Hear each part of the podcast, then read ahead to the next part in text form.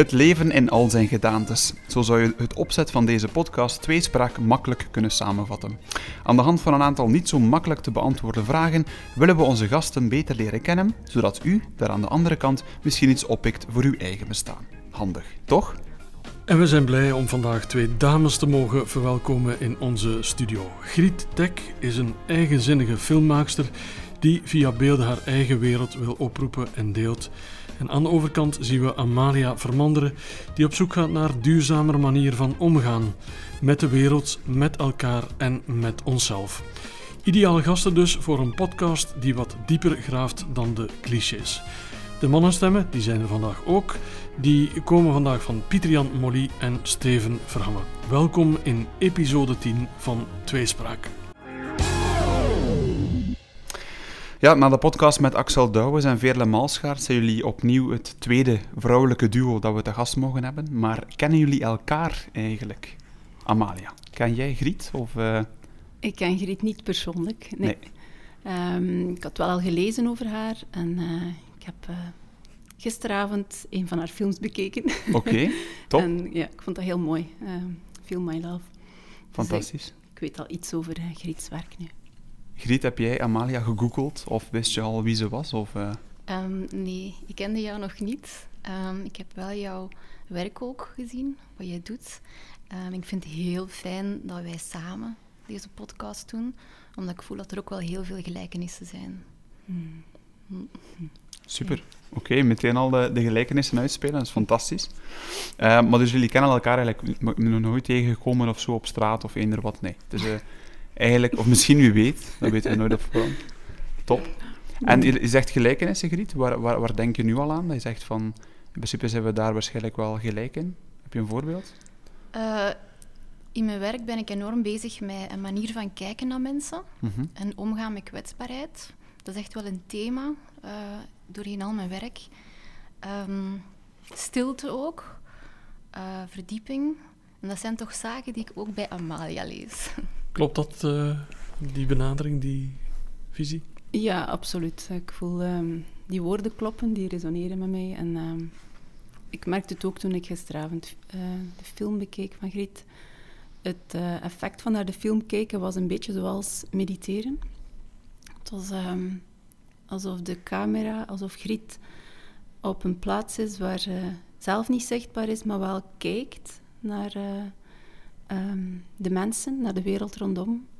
Met een hele warme, liefdevolle blik. Um, ik vond dat heel mooi en heel inspirerend en heel herkenbaar. Het effect van een goede meditatie voor mij is gelijkaardig. Ja. Mm -hmm. Mooie woorden, Griet, uh, waar, uh, waar jij misschien wel wat stil van wordt. Ja. is, is, is dat trouwens zo dat je echt 100% je gevoelens kwijt kan in een film? Als, dat je, als filmmaker dan, dat je zegt van ik kan echt de film kneden, zeg maar, naar jouw eigen gevoelens of hetgeen dat je aan de wereld um, wil tonen? Is dat, is dat iets moeilijk? Of? Ik denk dat ik vooral films maak als een manier om dingen te begrijpen rond mij. Ja. ja. En de manier waarop is heel erg verbonden met wie ik ben, van waar ik kom. Mm -hmm. um, hm. Ja, dus die zaken eigenlijk vooral. Uh, mm -hmm. En voel je je dan soms onbegrepen of, of, of, naar de wereld toe? Of is dat misschien wat vergezocht? Nee. Nee, nee niet bepaald? Nee. nee. Oké, okay. top. Mooi. Kunnen we erin we zijn, vliegen? We zijn helemaal klaar. We zijn warm gedraaid met die opwarming hier. Um, voor de aandachtige luisteraar, die zal merken dat... Uh, de echte fans van Tweespraak, die zal merken dat er een aantal vragen zijn uitgebonjourd uit de vorige lijst en dat er twee nieuwe zijn. Aan jullie om te ontdekken welke twee vragen dat zijn. Ja, fantastisch. Ik stel voor dat we deze keer gaan beginnen met vraag 1, want luisteraar, de gasten die krijgen natuurlijk ook de vragen op voorhand, waar ze al eventjes kunnen over nadenken. En de eerste vraag is, als je terugkijkt op je leven, waarvoor ben je dan het meest dankbaar?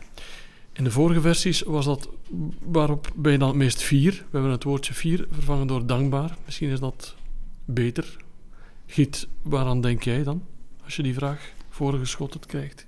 Uh, ik ben uiteraard heel trots op, uh, op mijn werk, maar ik denk dat ik nog meer trots ben, of dankbaar, of trots, um, op de weg die ik af, afgelegd heb. Um, mm -hmm.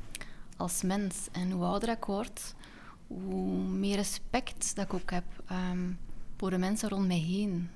Ja. Ja, dat, dat vind ik iets...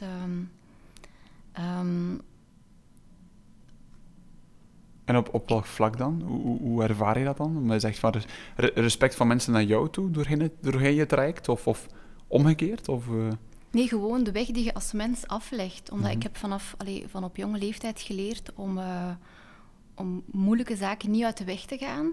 En dingen uit te spreken en daarmee te werken.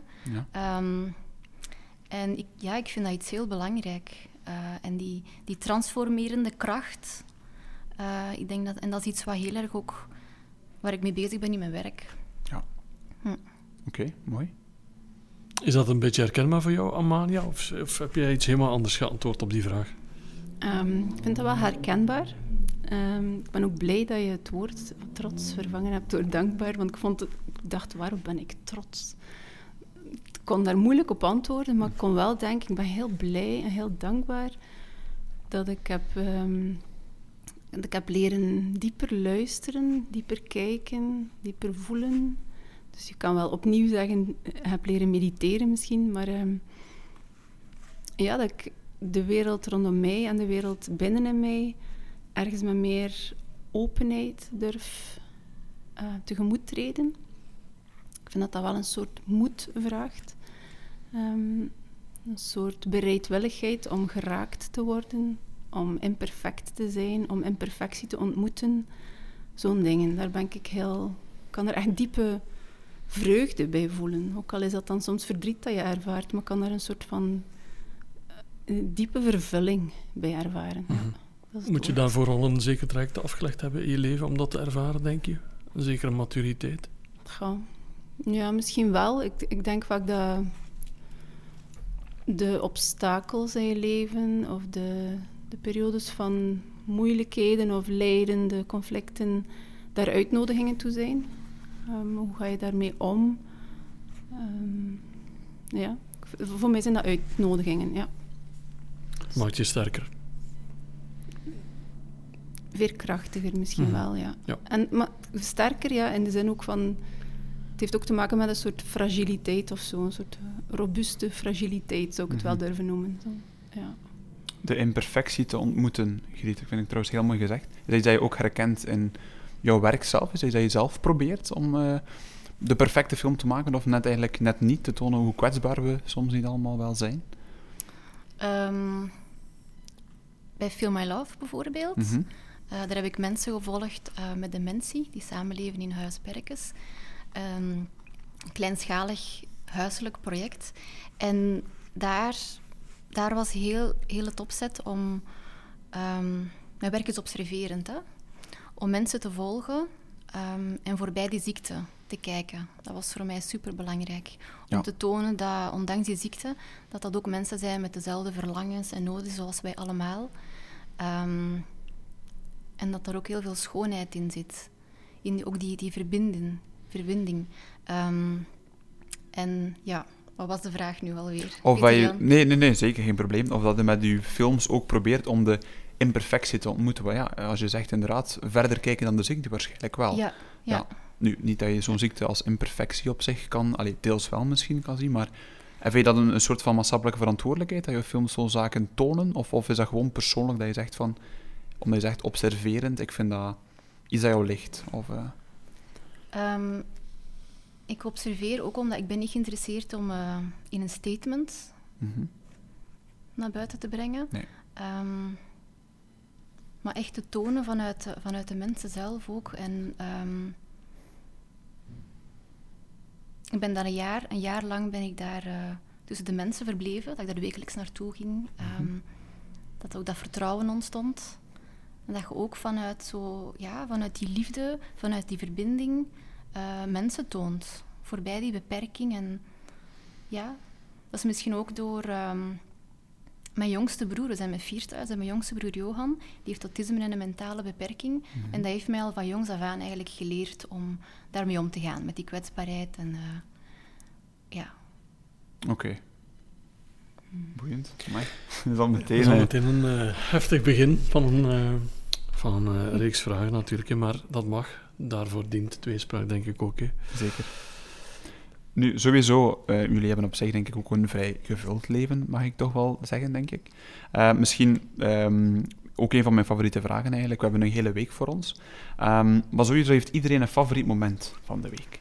Het moment dat je zegt van, uh, het is voor mij toch iets leuker of specialer dan de andere. Ehm, wat zou dat moment dan zijn? Misschien beginnen bij Amalia.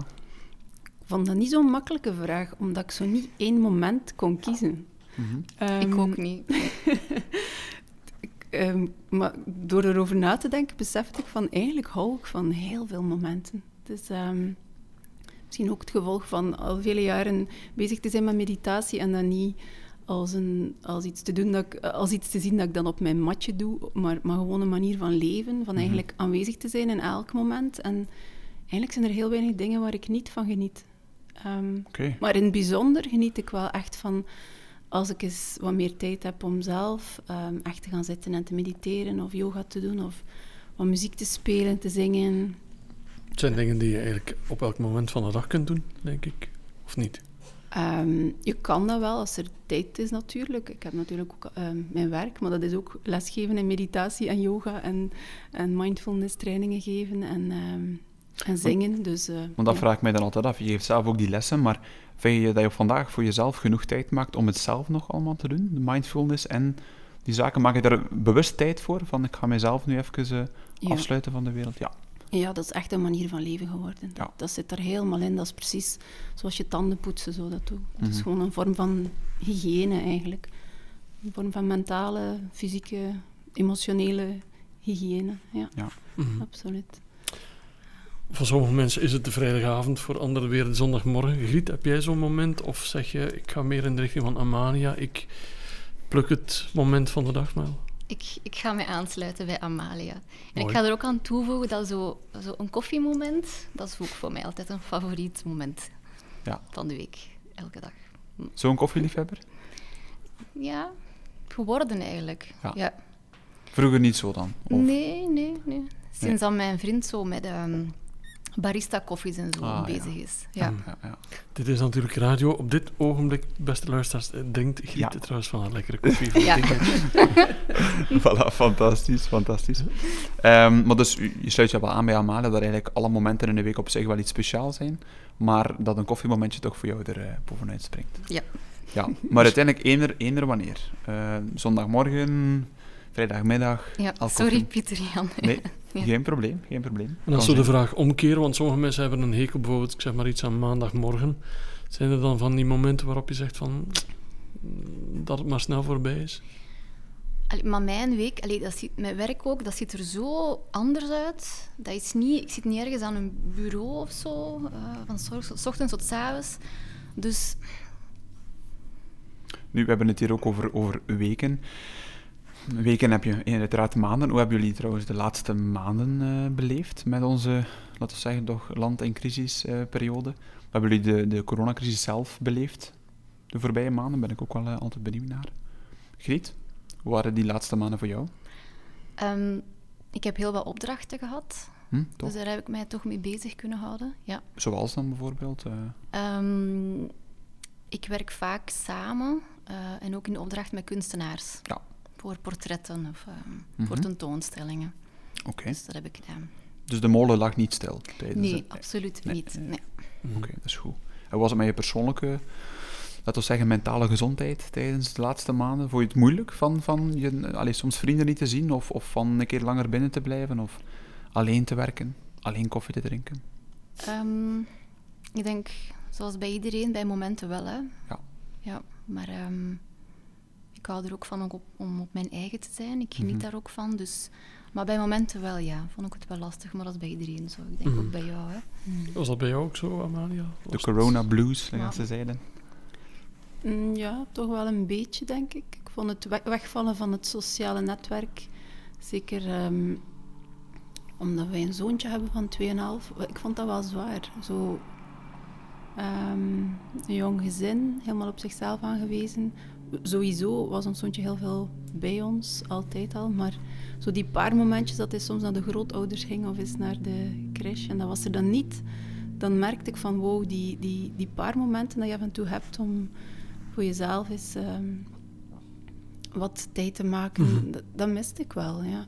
Mhm. Maar verder, ja, mijn, een heel groot stuk van mijn lessen vielen natuurlijk weg, omdat dat niet mocht. En dan ben ik eh, online les beginnen geven en ben geen, geen computerkenner. dus dat was wel interessant voor mij, maar ik heb heel Mhm. veel bijgeleerd. Mhm, Ehm, mhm. en dat werkt. En ik vond het eigenlijk fijn om dan vanuit, vanuit mijn eh ja, yoga-studio thuis, meditatiestudio thuis, les te geven online en de mensen zo te bereiken. En daar eigenlijk een netwerk te vormen en te merken dat ik daardoor ook mensen in het buitenland kon bereiken. En eigenlijk blijf ik dat nu ook doen. Ook als de lessen terug opstarten, ga ik ook eh, blijven eh, online lesgeven. Dus dat is wel fijn. Ja, want veel mensen hebben nieuwe dingen leren ontdekken bij zichzelf, eh, uit noodzaak natuurlijk. Nieuwe dat hobby's is een, soms. Dat is een voorbeeld daarvan, denk ik. hè. Ja, absoluut. Ja. Hmm. Ik wist niet dat ik het zo fijn ging vinden, gewoon Ja. met mijn schermpje voor mij. Mhm. Heb jij nieuwe dingen ontdekt bij jezelf of, of in de wereld tijdens de coronatijd, Griet? Jouw leven is niet grondig veranderd. Nee, Nee. nee. niet grondig. Nee. Nee. nee. Tijdens de lockdown waren de bioscopen ook allemaal gesloten. Was dat iets dat je gemist hebt? Ga, je- ging je soms of ga je soms veel naar de bioscoop? Ehm, zeker, zeker. Maar ja, met de moderne technologie kan je thuis ook...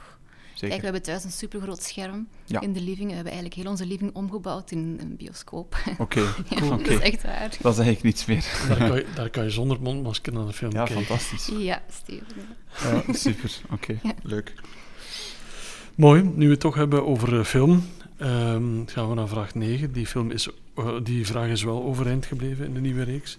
Eh, stel dat je leven wordt verfilmd. Welke soundtrack mogen ze daarvoor gebruiken? Amalia, jij hebt ook wel iets met muziek. Mhm. Eh, als je die film zou inkleuren met muziek, mag dat eens concreet? Hoe, hoe zal die dan klinken? Ja, fijne vraag. Ehm, de, het zijn een paar artiesten die ik opnoem. Ehm, een soundtrack, een soort mix van ehm, Max Richter en Nick Cave Hm. en Jethro Tull Mhm. en Bach en Anwar Brahim, heel fijn, en eh, PJ Harvey. Maar dat wordt serieus een megamix.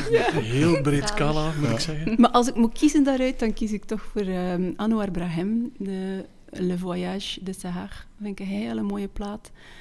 En Dat, dat, dat, ja, dat brengt zoveel landschappen ehm, Mhm. in beeld. Ik heb hem ooit ook live gezien en dat is een van de meest liefdevolle ervaringen in mijn leven eigenlijk. Ik vond dat zo'n mooi, eh, mooi concert. Ja. Ik denk niet dat er veel luisteraars hem zullen kennen. Kan je hem heel kort voorstellen? Ehm, dat is een oetspeler uit... ehm uit oh, ik ben even aan het nalezen. Wat is- hij is nu weer? Oud-speler. Ik ging net hetzelfde vragen, Ruud. Is een, een, een snaarinstrument. Ehm, dat is iemand uit eh, Tunesië. Ehm, maar die maakt eigenlijk een soort van... ehm, ja, die, die gebruikt die, die oude traditionele muziek eh, van Tunesië, maar eh, mixt dat met heel veel jazz-invloeden en heel rijke muziek. Speelt ook samen met heel wat andere muzikanten. Dat is prachtig. Dat is echt een Mhm. aanrader, ja. Mhm.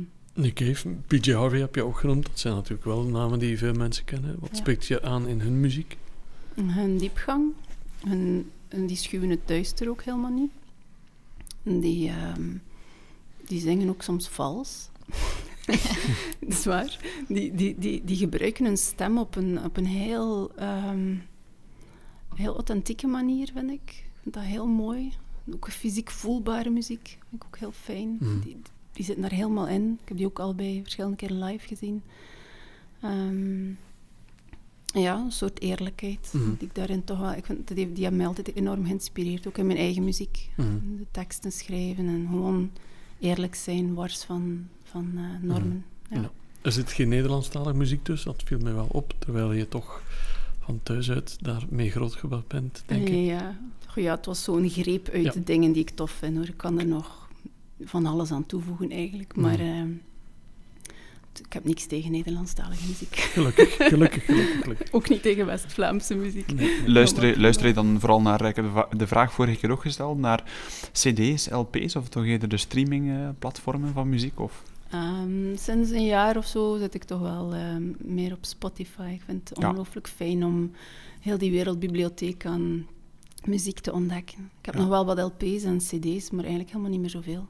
Ik vind ook de, de, de dematerialisatie van, van, van de wereld in zekere zin interessant daarin dat er minder dingen nodig zijn om, Ja. eh, om eigenlijk ja, informatie te Mhm. verspreiden. Ik vind dat fantastisch. en heel Maar eigenlijk leuk. heb je miljoenen liedjes in je broekzak eigenlijk, hè, dus op zich is dat ook wel aangenaam. En op Spotify zit je sowieso goed, want tweespraak staat er ook Ja, aan Steven. dat dus, heb ik Ik ging net gemerkt. zeggen. ja. Griet. Griet, jij bent natuurlijk filmmaakster. Als je nu zelf eh, jouw leven ziet verfilmd worden, welke muziek mag daar zeker niet in ontbreken? Ehm, bij mij mag dat vooral stilte zijn. Omdat stilte ook...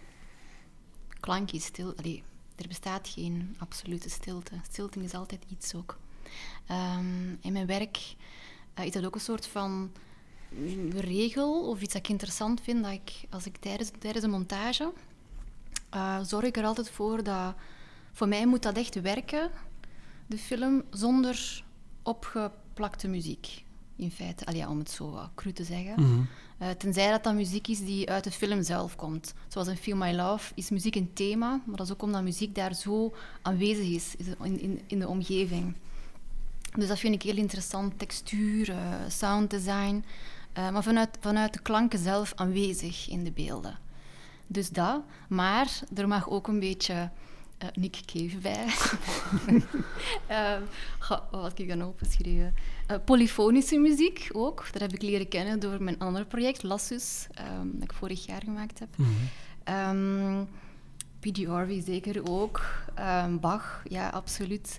Eh, en daar straks was er nog een heel leuk liedje op de radio ehm, van A Lovely Day van Billy Bill, Withers. Bill Withers, ja. Mm, dus, prachtig. Ja. Dus met, ja, met dat liedje kwam ik naar hier. Dus- Ik voel jezelf een klein beetje een co-productie aankomen, denk ik.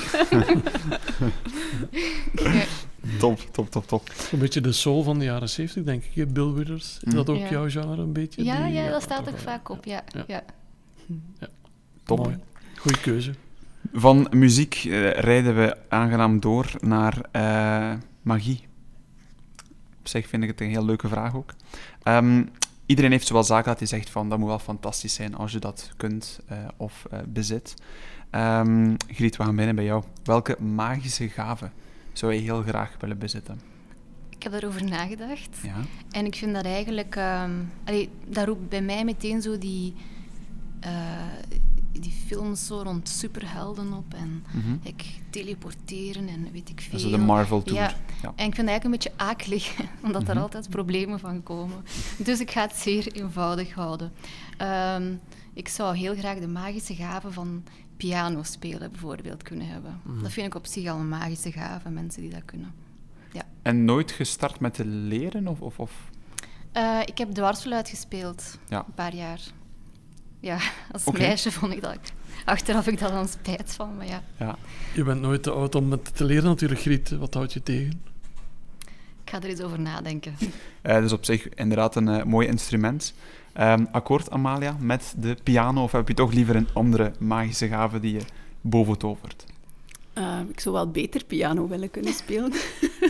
ik speel wel een beetje piano, ik kan me behelpen, Oké. maar eh, ik begreep het verlangen om dat heel goed te spelen. Maar eh, Ja.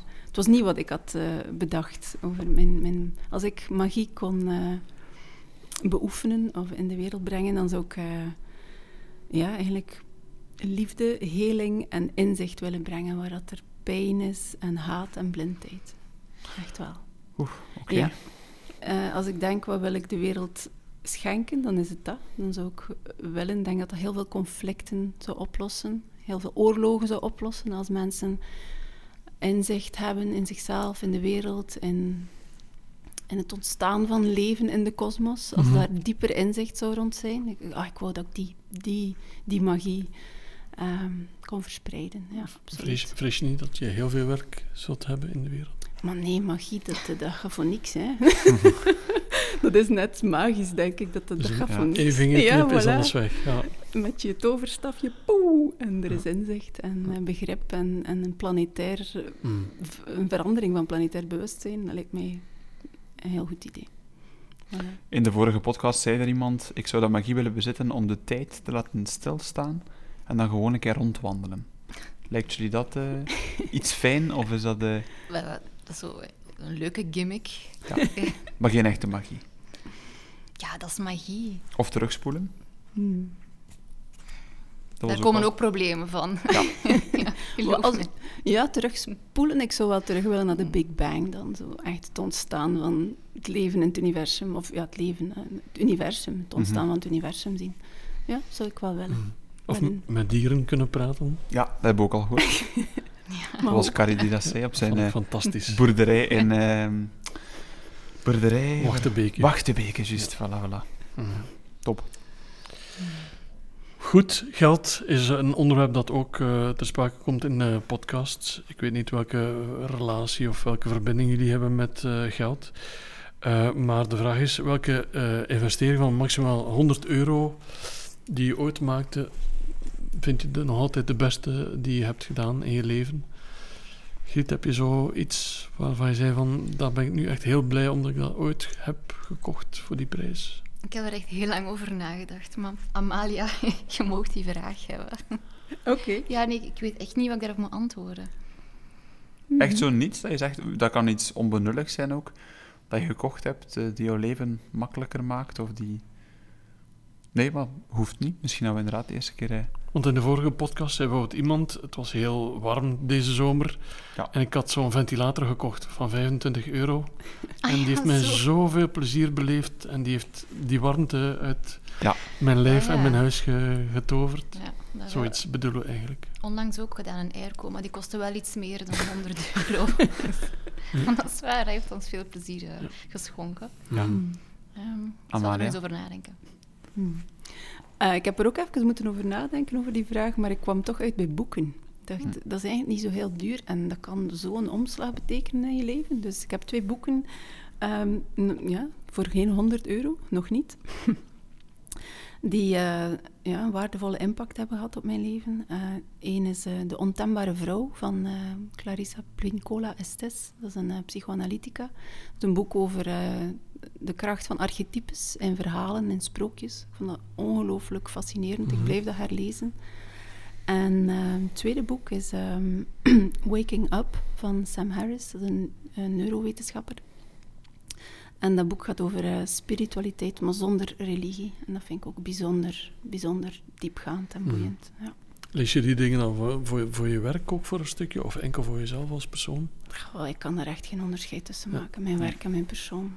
Ik doe wat ik zinvol vind in het leven en, en ik leef dat leven. Dus ja, dat, Mhm. dat raakt mij diep, die boeken. En mijn, Mhm. mijn muziek is daardoor geïnspireerd, mijn lessen zijn daardoor geïnspireerd. Dus eh, Je- Je was hier net ook een beetje vroeger en ik zag onmiddellijk dat je ging zitten en een, een boek opendeed ook. ja. Is dat iets dat je altijd bij hebt, een boek om te lezen, of is dat eh, meer, eh, meer thuis dat je zo dingen boven haalt? Ehm, ik heb wel meestal iets bij. Nu, nu had ik eigenlijk mijn, mijn, mijn dagboekje bij. Ik was Ah, dingen aan het herlezen van een, eh, een webinar dat ik gevolgd had bij een dichter. Oké. Ik heel boeiend vond. Ja. Mhm. Lees je offline effectieve boeken in je hand, of, of lees je toch eerder online? Met een Beide. e-reader of zo? Ah ja, oké, beide. Ja. ja. Mhm. Ik vind dat fijn om op mijn eh Fairphone eh, boeken staan te hebben. En, Ja. ja, Maar zoals je daarnet zei, de materialisme die een beetje wegvalt, hé, alle boeken met één vinger... Ja. ja, Maar toch, zo het gevoel van in een zeteltje te zitten en een boek open te klappen, het heeft, zo, het heeft zoiets fysiek ehm, heel fijn. Ja. En ik las ook dat het makkelijker is om dingen te onthouden als je het in een boek leest, dan, dan Ja. dat je het op een, eh, Mhm. een, een schermpje leest. Dus Ja. ik voel dat ook wel. Je hebt precies meer, meer, ehm, meer begrip van ruimte en, en tijd of zo, ik weet het niet. Ja. Het woord eh, materialisme is daarnet gevallen. Betekent dan dat geld in jouw leven niet zo belangrijk is? Of welke waarde hecht jij daaraan? Goh, dus dat... eh, ja...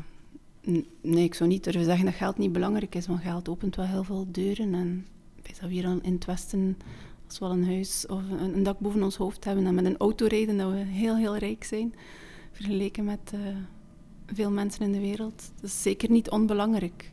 Ehm, maar ehm, ik wil dat wel niet de enige drijfveer laten zijn.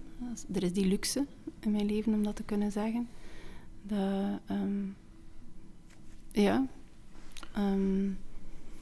Met dat je dat nu zegt van eh dak boven je hoofd, denk ik een beetje aan de quote van eh Guy Malfait. die zelf ook zei dat, als ik het goed voor heb, Steven, corrigeer mij als ik verkeerd ben, dat de armoede eigenlijk moet gezien worden als een schending van de mensenrechten. Mhm. Ehm, maar je ook zegt materialisme, dak boven je hoofd. Sluit je je daarbij aan of zeg je van in principe zie ik het zo niet? Ik sluit me daar zeker bij aan. Ja. Dat is gruwelijk, dat er zoveel ongelijkheid is in de wereld. Dat is, dat is, dat is gruwelijk gewoon. Voel je dat zelf, maak je dat soms kwaad in of, of, of voel je jezelf eh, verantwoordelijk voor zoiets of wil je daar iets aan veranderen? Ik zou daar heel graag iets aan veranderen. Ehm, ik voel me daar niet verantwoordelijk voor. Ik heb dat zelf niet in het leven geroepen of zo. Die ongelijkheid is, eh, is iets die je overal in de natuur en op, op aarde ziet. De- Mhm. Er is Mhm. niet zoiets als rechtvaardigheid of zo. Nee. En ik denk wel dat we als mens keuzes kunnen maken om, om rechtvaardigheid te doen gelden en zoveel mogelijk ja, opnieuw inzicht brengen over wat is leven, wa- wa- wat is dit zo. Mhm. En dan denk ik dat er misschien m- ja, een betere verdeling zou kunnen zijn van de, van de middelen, want er is genoeg voor iedereen. Mm. Het is gewoon een beetje vreemd verdeeld. Zie je daar eh, filmmateriaal in, Griet? Of is dat eh, zaken dat je zegt, ook armoede is iets dat je ook eh, aanspreekt? Of, of... Zeker. Eh, er is een periode geweest toen ik. eh, er is een periode geweest toen ik in mijn jeugd dat wij eh, na de scheiding echt een periode van armoede thuis Mhm. hebben meegemaakt. Dat er eh, niet genoeg eten was. Dat mijn grootouders elke week met een grote auto vol met, met eten eh, kwamen. Mhm. Dus ja, ik weet wel wat dat is. Dat gevoel, eh, ja, ik ken dat wel heel erg. Dus ja, ik ben Moedig. daar wel ook gevoelig aan. Ja. Moedig, moedig dat je dat eh, hier Ja. deelt in onze podcast. Ja. Dankjewel, Gerrit. Je hebt ondertussen vier minuten gekregen om na te denken over het, het vraagje dat we jou hadden voorgelegd. Heb je al een antwoord gevonden of blijf je het antwoord schuldig? Maar ja, i- uiteraard. Ja, ik had er niet zo bij stilgestaan. Eh ik heb die vraag denk ik gewoon niet zo goed begrepen. Maar eh, er zijn wel bijvoorbeeld een aantal fotoboeken waar ik regelmatig zo eens eh, doorblader. Die Ja, hebben niet die zo, mij- die hebben geen 100 euro gekost, denk ik. Nee, die, nee, nee, nee. Denk Dan is, dat een geldig, dan is dat een geldig antwoord. Zeker. Neem je daar Ja. soms echt de tijd voor van neer te zitten en echt een boek open te klappen en een keer teruggaan in de tijd? Ehm, Ehm, het zijn foto's, het zijn beelden. Hè. als- Dus het is zijn- geen zijn- fotoboek met herinneringen Nee. van jou dan? Of, Nee, nee, nee, Ah, nee, nee, nee. Het is echt van een fotograaf die... Ja, Ja, ja, ja, en ja. daar is in bladeren, kort. Mhm. Eh, ik heb ook een bord voor mij, op mijn bureau, wat vol hangt met beelden die ik soms tegenkom en die, die ergens met elkaar dan... Ja, dat, dat je toch zo ehm, patronen ziet of zo die terugkomen. Die reflecteren waar je mee bezig bent. Ja, ik vind dat wel boeiend. Want dat vraag ik mij dan ook altijd af. Misschien dat je mij dan een keer kan, kan uitleggen. Maar eh, zo'n film, dat, dat start uiteindelijk bij een idee. Ja. Heb je een bepaalde werkwijze, dat je eh, te werk gaat om zo'n film voor te bereiden? Echt van, vanaf welk moment zeg je van, ik ga dat doen? Een film, is dat, begint dat met eh, een moodboard? Is dat opzoeken? Is dat jezelf een week opsluiten in de Ardennen? Of hoe- hoe gaat dat zoiets? Concreet, Ja. bedoelt je? Ja. Eh, want bij mij, ja, bij mij is dat vrij organisch allemaal. Dat vertrekt vanuit een enorme noodzaak, een soort van roeping. Eh, want die onderwerpen die ik, waarmee ik bezig ben, dat is niet altijd zo evident. Als ik Nee. daar met mensen over praat, krijg ik vaak zo ja, een, een rare blik. Of. Ehm, maar concreet, ja, je hebt een onderwerp en je begint daarover te lezen. Eh, je zoekt mensen op om erover te spreken. Ehm, en natuurlijk, in het geval bij Feel My Love, eh, heb ik daar heel, veel meer tijd doorgebracht zonder camera dan met. Hè. En zeker de eerste maanden gewoon zonder. Gewoon om daar te zijn, om daar eh, dat vertrouwen te hebben dat je deel wordt van een organisme. Ehm, en dan, ik doe al het camerawerk zelf, ook de klank. Dus ik ben eigenlijk een eenmansploeg. Oké, Dat is misschien wel interessant om te weten. En mijn Chapeau. werk is observerend. oké. Dat ook, dus ik maak het mezelf heel moeilijk. Ik denk de mooiste omschrijving van een eenmanszaak ooit dan, denk ik. Ja.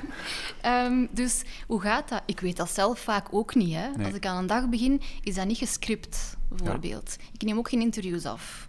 Omdat ik, dat, ik vind dat minder boeiend zo, in het werk dat ik doe. Mhm. ik, ik, ik, ik toon liever beelden en dat mensen zelf de ruimte hebben om daar ja, iets bij te vormen. Of hun, Ja. hun, hun- De Ja. kijker moet de betekenis aan de ja, beelden ja, geven, eigenlijk. Ja, hè, ja. ja, absoluut. Mhm.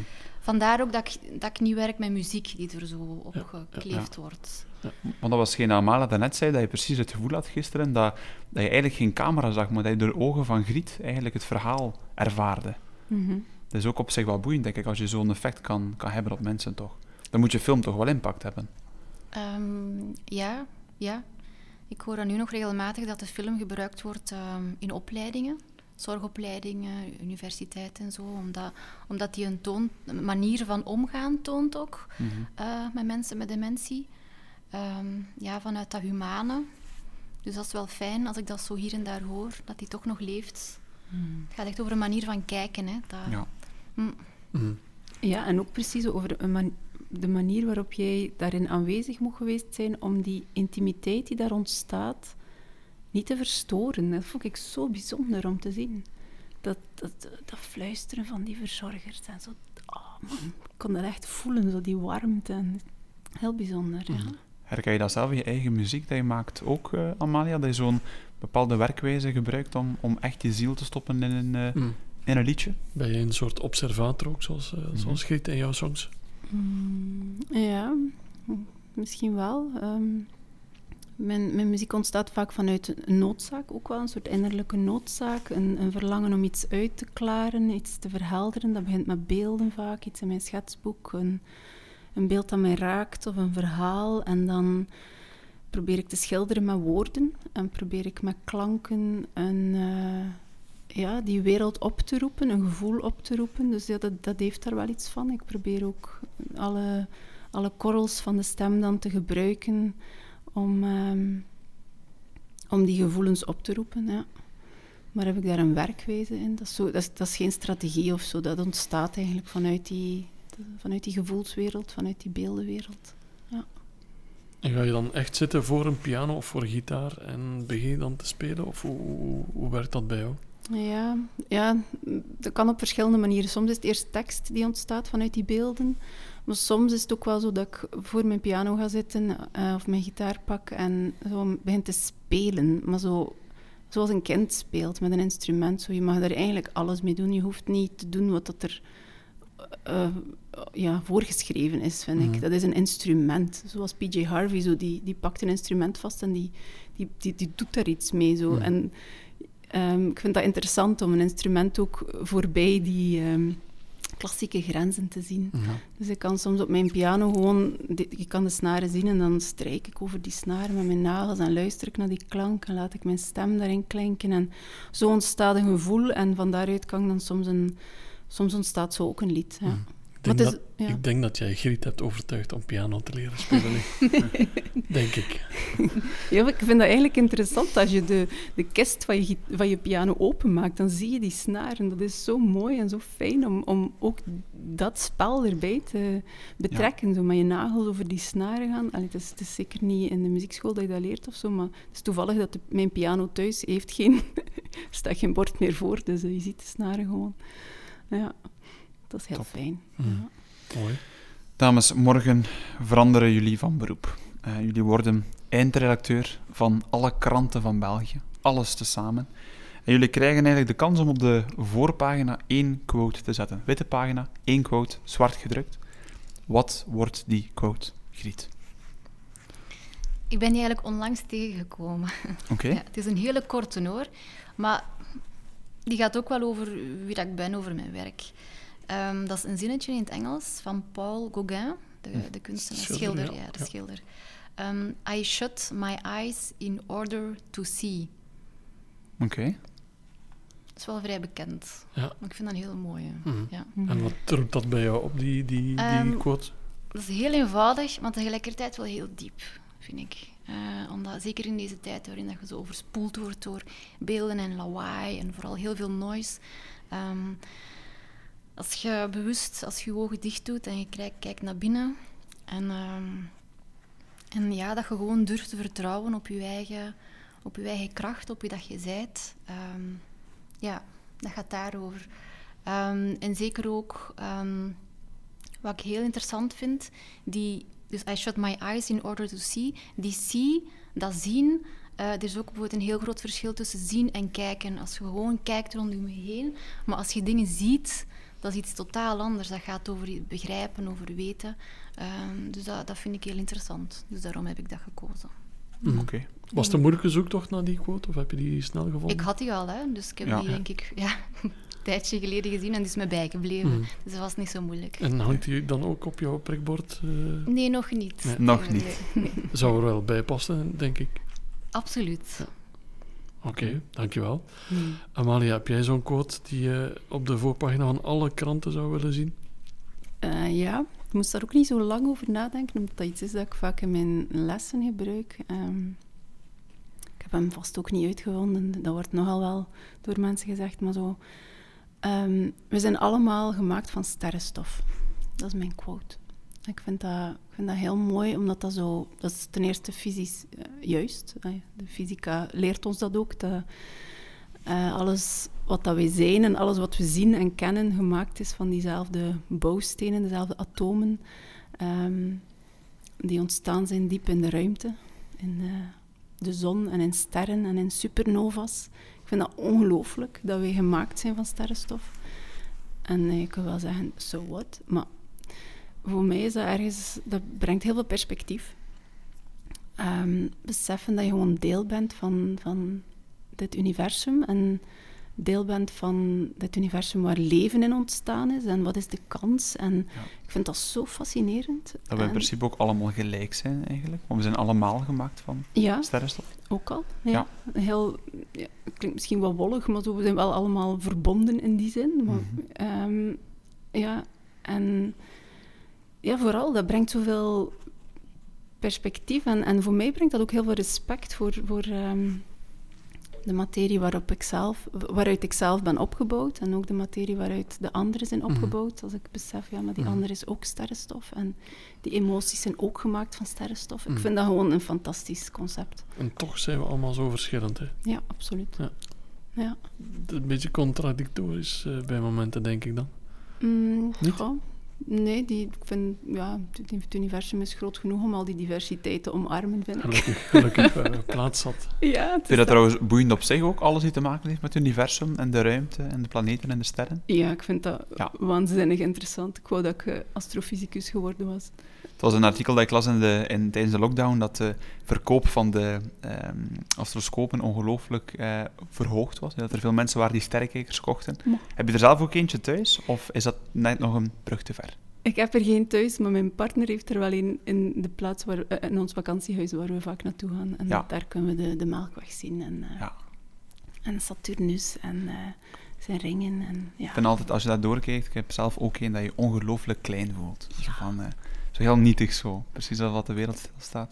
Dat je Ja. dat effectief ook kunt, van zo ver te kijken. Dat is, maar tegelijk, en toch besef je, bent klein en nietig, maar je bent wel een deel van dat universum. En je Ja. bent gemaakt van diezelfde materie als die sterren waar je naar kijkt. Ik vind dat fantastisch. Ja. En ook super mooi om naar te kijken, eigenlijk. Ja, ja, ja.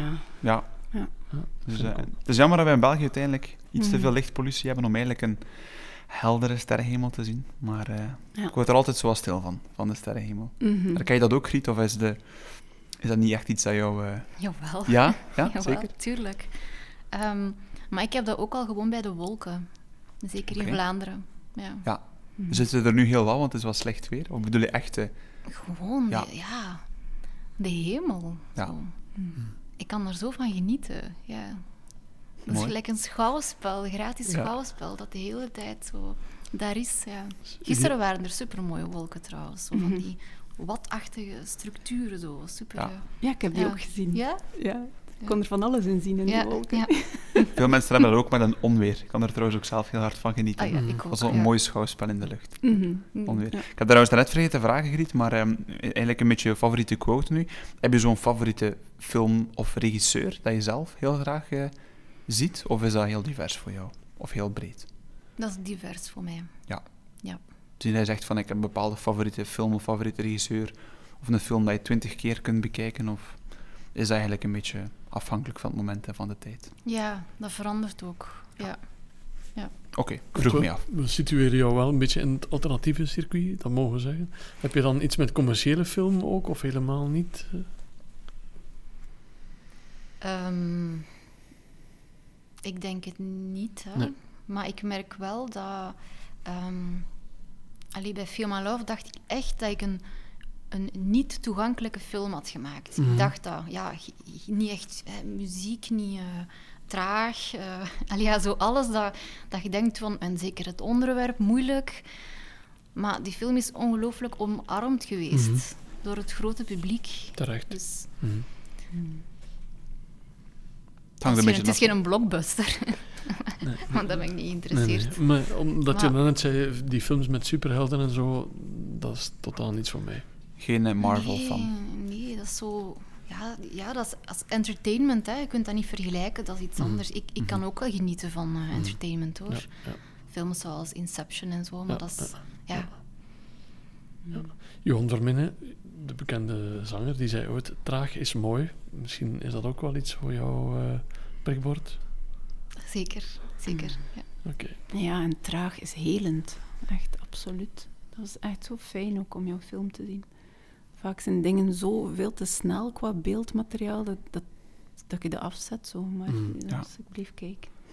Staat bij deze ook op mijn watchlist. eh Feel My Love. Zeker een keer, eh, zeker een keer bekijken. Absoluut. Ehm, over eh, dingen eh, bekijken gesproken. Er zijn wel eens mensen die eh, zich niet schamen om naar eh, Vlaamse series te kijken. Hebben we deze week ook mogen ondervinden in een van de vorige podcasts. Mhm. En dat werd dan The Guilty Pleasure van een bekend iemand. Ehm, hebben jullie zoiets waarvan je zegt van ja, ik geef dat toe dat ik dat wel eh, bekijk of, of, of iets eet en eigenlijk een klein beetje voor schaam, zo het guilty pleasure gevoel, heb je dat Giet? ja, We zijn de razend benieuwd. Ja, nou, het is echt heel onnozel, hoor. Dat mag. Ehm, We hebben al van alles gehoord, dus. ik, tegenwoordig eet ik zo graag eh, mellow cakes. Je hebt een fan. En heb er die zijn echt niet allemaal even goed. dat kan ik wel zeggen.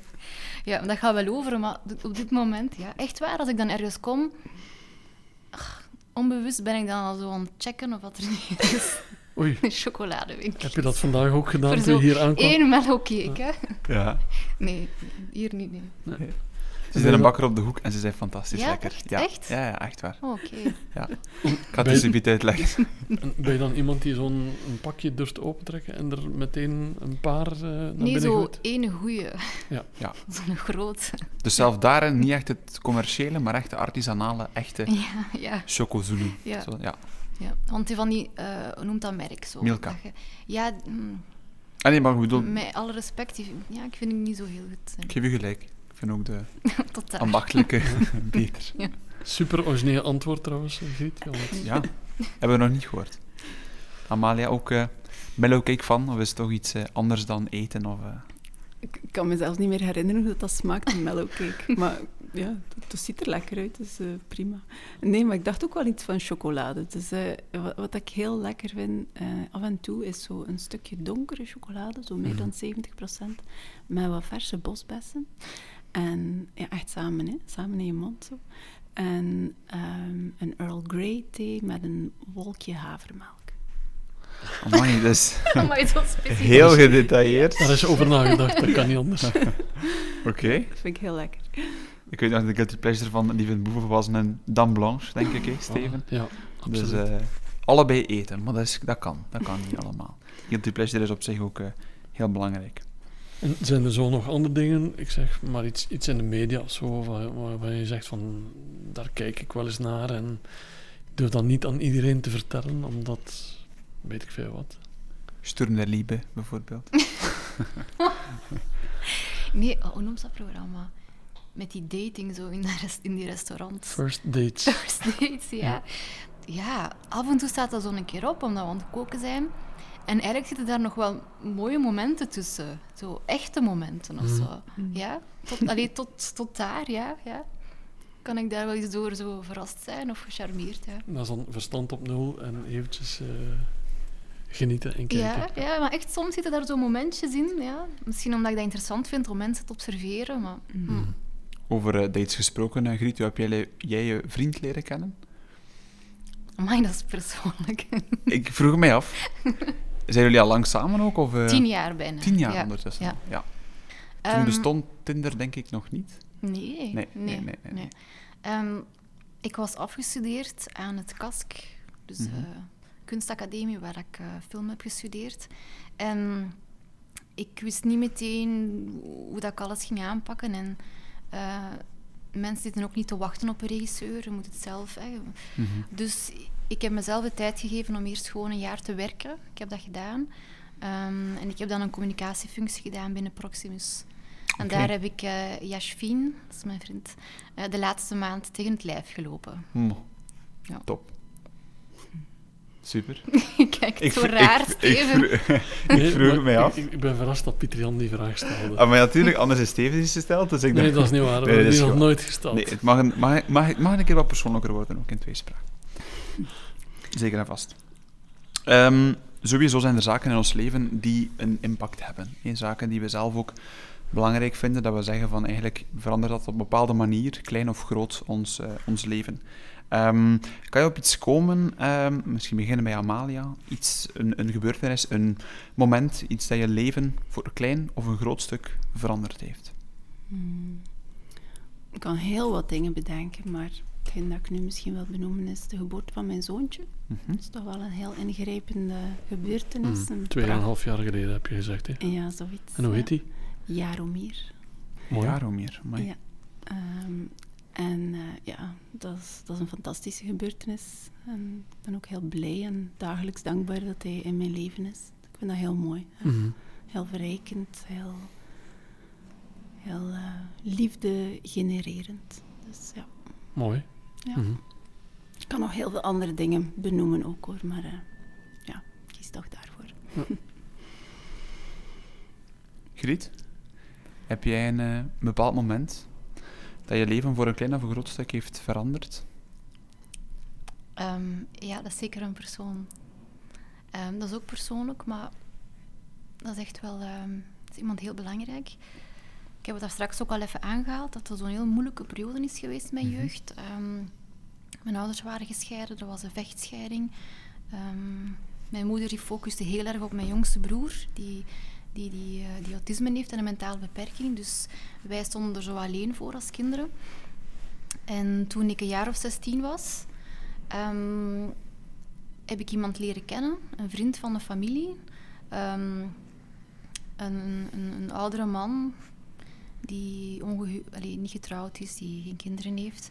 En die heeft mij eigenlijk, bij wijze van spreken, ehm, onder zijn vleugels genomen.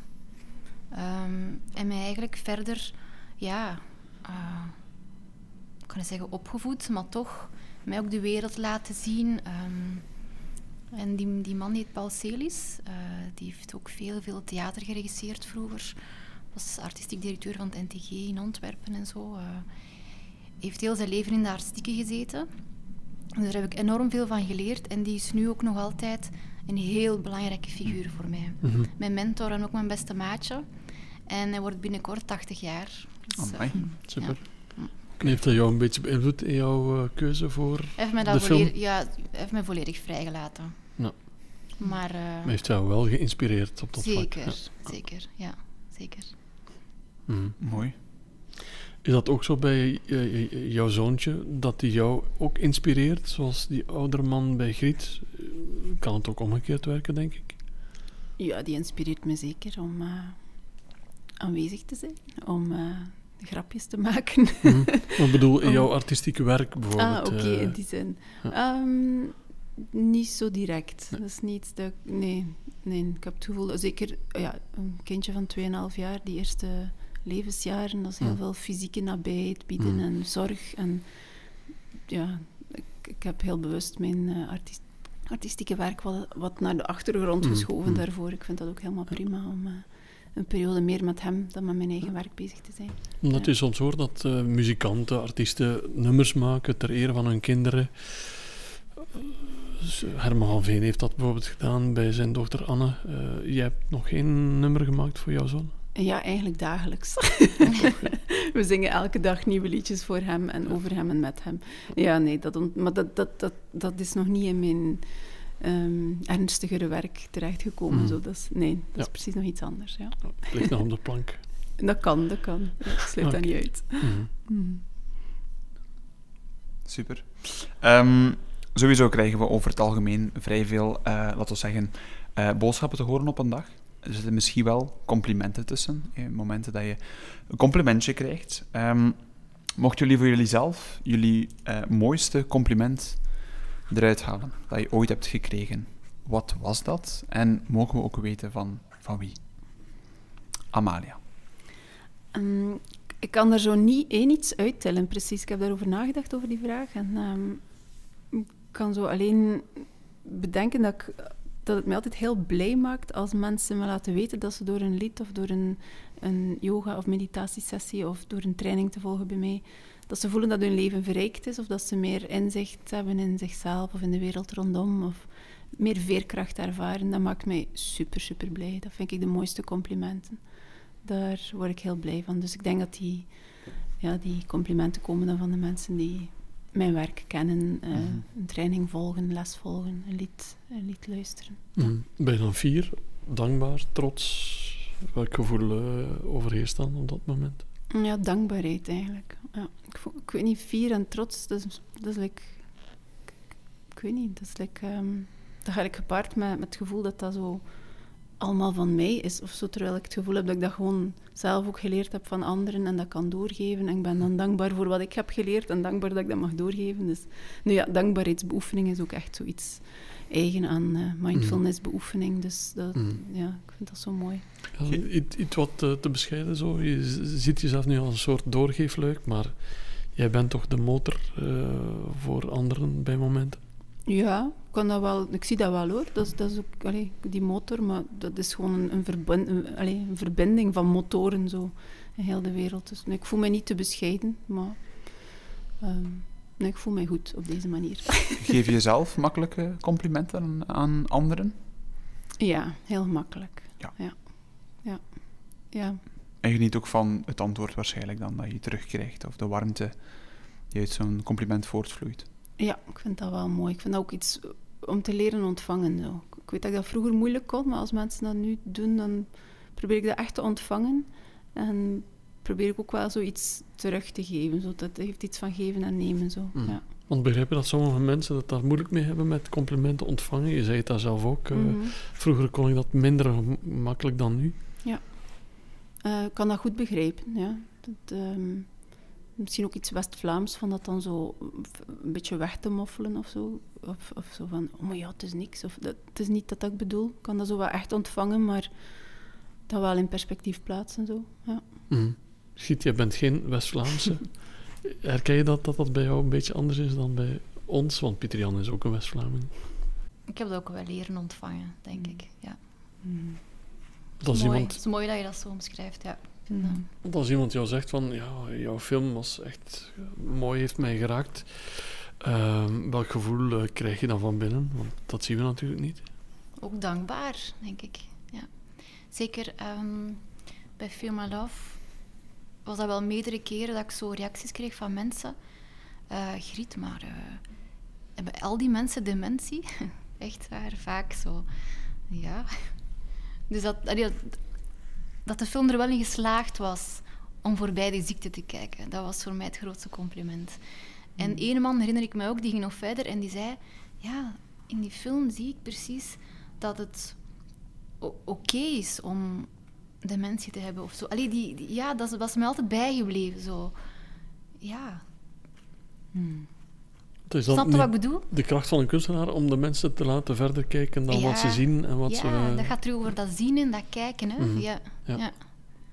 Mensen dat zelf te laten ontdekken. Zo. Dat je dingen aanreikt, dat je mensen de ruimte geeft om dat zelf te zien.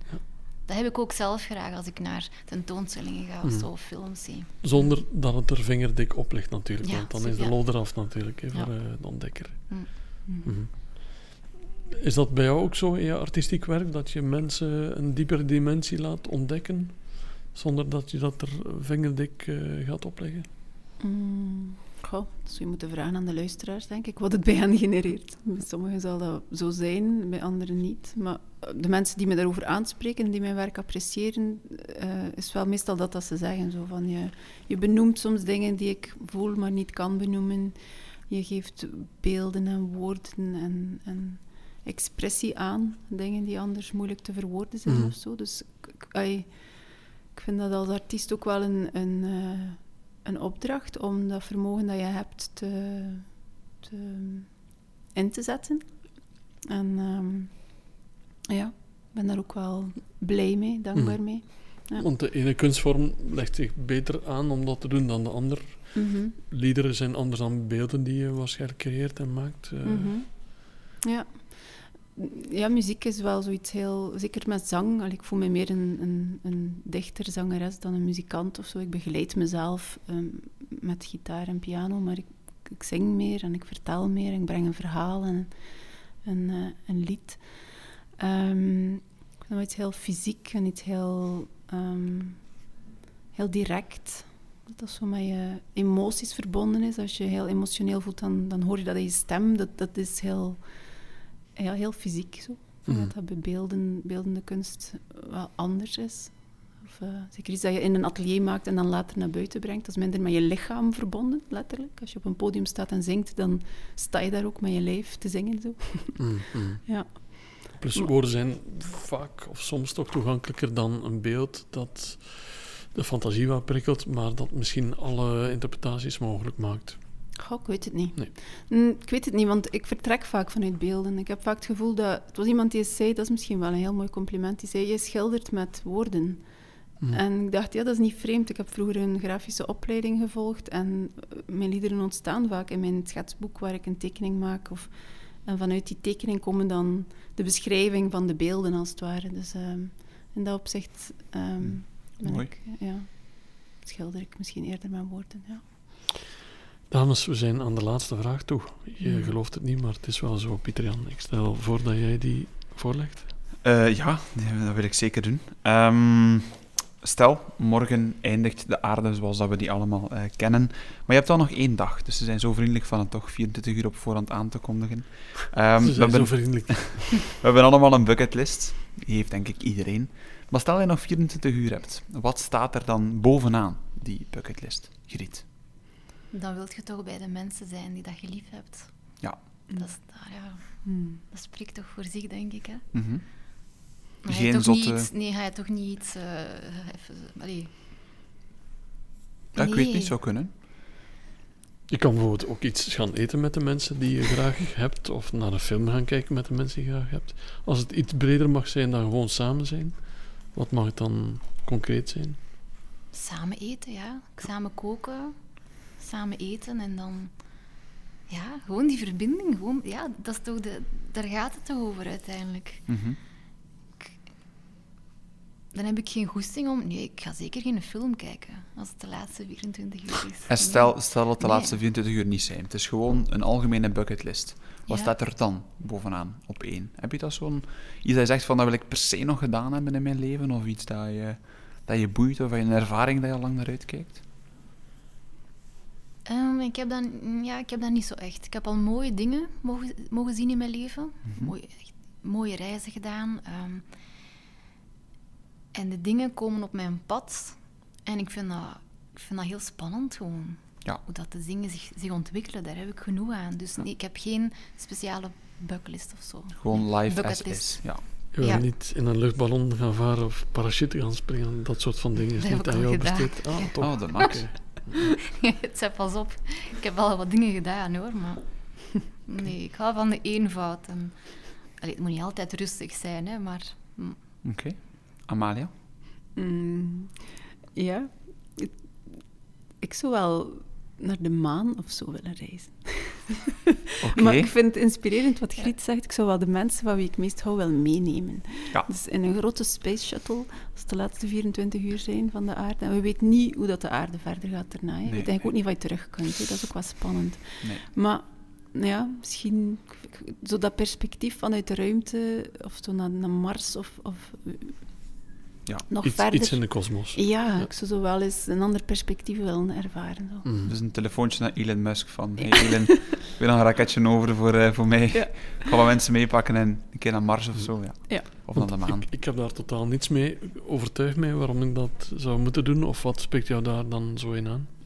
Ehm, ik weet niet, zo die beelden van, van de mensen die op de maan zijn geland en die dan van, van, van op de maan zo de aarde zien opkomen.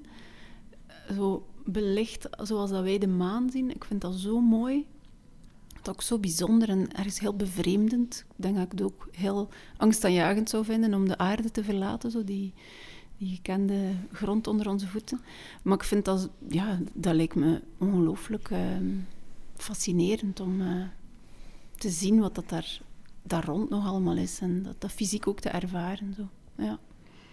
Ik weet niet of ik je daarmee overtuig, maar Ik ga er nog eens zo over nadenken, denk ik. het is toch zeer ongewoon om daar te zijn. Ah, wel, ze zijn uiteindelijk, ik, ik heb het gezegd, het is Elon Musk, maar ze zijn uiteindelijk bezig met zo'n vluchten te commercialiseren. Stel dat dat morgen kan en het is betaalbaar, ga je mee?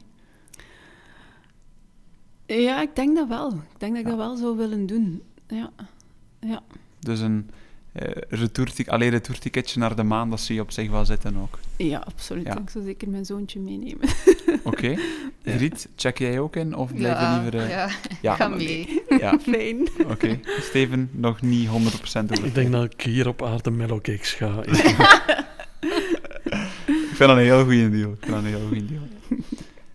Goed, we zijn eh, helaas aan het einde gekomen. Ik vond het super tof. Jullie waren ook heel open en eh, vertrouwvol. Wat ons altijd een goed gevoel geeft, omdat het toch Zeker en vast. geen alledaagse vragen zijn natuurlijk die we jullie voorschotelen. Hoe heb je het trouwens zelf ervaren, de podcast? Is dat de eerste keer, want het is eigenlijk de eerste keer dat je zoiets doet. Vond je dat moeilijk? Of is dat iets dat je zegt van, eh, ik vond het op zich wel aangenaam ook om een keer... eh, Ehm, ik vond het fijn dat we zo die vragen ook Ja. op voorhand kregen, dat we dat eens konden bekijken. Dat vond ik fijn. Want ik zie Ehm. voor jou, dat zien de luisteraars natuurlijk niet, een, een, een- papiertje liggen met toch wel wat voorbereiding. Heb je er veel werk in gestoken eigenlijk, Griet, om de vragen voor te bereiden? Of was het gewoon wat Nee, voor eigen Deze comfort ochtend- wat uitgetypt? Ja. ja. Oké. Want Ah. tot voor deze uitzending was er één iemand die dat al gedaan heeft. ja, en jullie ja. twee hebben dat nu zelf ook gedaan. Dus eh, we zijn al met drie. Zeker, Amalia hetzelfde, maar dan digitaal. Heb je het ook een beetje oh, langer op voorhand al voorbereid, of ook deze morgen gewoon rap? Eh, gisteren, voor ik naar Griet haar film gekeken heb. Oké, toch even voorbereid. Ja, absoluut. Ja, ik vind het wel fijn om zo Ja. er even over na te denken, even te bezinnen en eh, ja. Iets, Zou zin- je- iets zinvols te zeggen als je dan zo'n platform krijgt. Mhm, Vind ik dat wel mhm. fijn. Om- En zou je antwoorden anders uitgezien hebben na de film, denk je? Of was het ongeveer nee, hetzelfde? denk ik niet. Ik Nee. wou, ik, wou, ik wou gewoon onbevangen zijn om de film. Ik wou zo niet nog iets Mhm. moeten doen als ik naar de film keek. Het was, eh, Ja. Oké. Met een theetje naast jou waarschijnlijk. nee, Earl Grey Nee. thee met een wolkje havermelk. nee, dat drink ik niet meer na vier uur. Dat kan niet. Nee, nee, Fantastisch. Alleszins eh, super hard bedankt, dames, om hier vandaag aanwezig te zijn. Dat appreciëren we echt eh, enorm. Dus Absoluut. episode 10 trouwens van eh Tweespraak. Het gaat heel snel, hè, Steven? Ja. Mm. We worden oud. Ehm, Dat heb ik niet gezegd. ik ga jullie super bedanken. Ook eh, natuurlijk veel succes wensen in de toekomst. Hopelijk eh, kunnen jullie ooit je dromen allemaal waarmaken. Of je bucketlist dingetjes schrappen. Eh, Pieter Jan, heel hard bedankt om alweer op weg te gaan eh, met tweespraak. Dankjewel, en uh, Steven. u luisteraar natuurlijk heel hard bedankt om het luisteren. En hou eh, ons in de gaten, want we hebben nog meer in petto. Zeker en vast. Tot de volgende en uh, dankjewel. dank je wel. Dank je. Dag.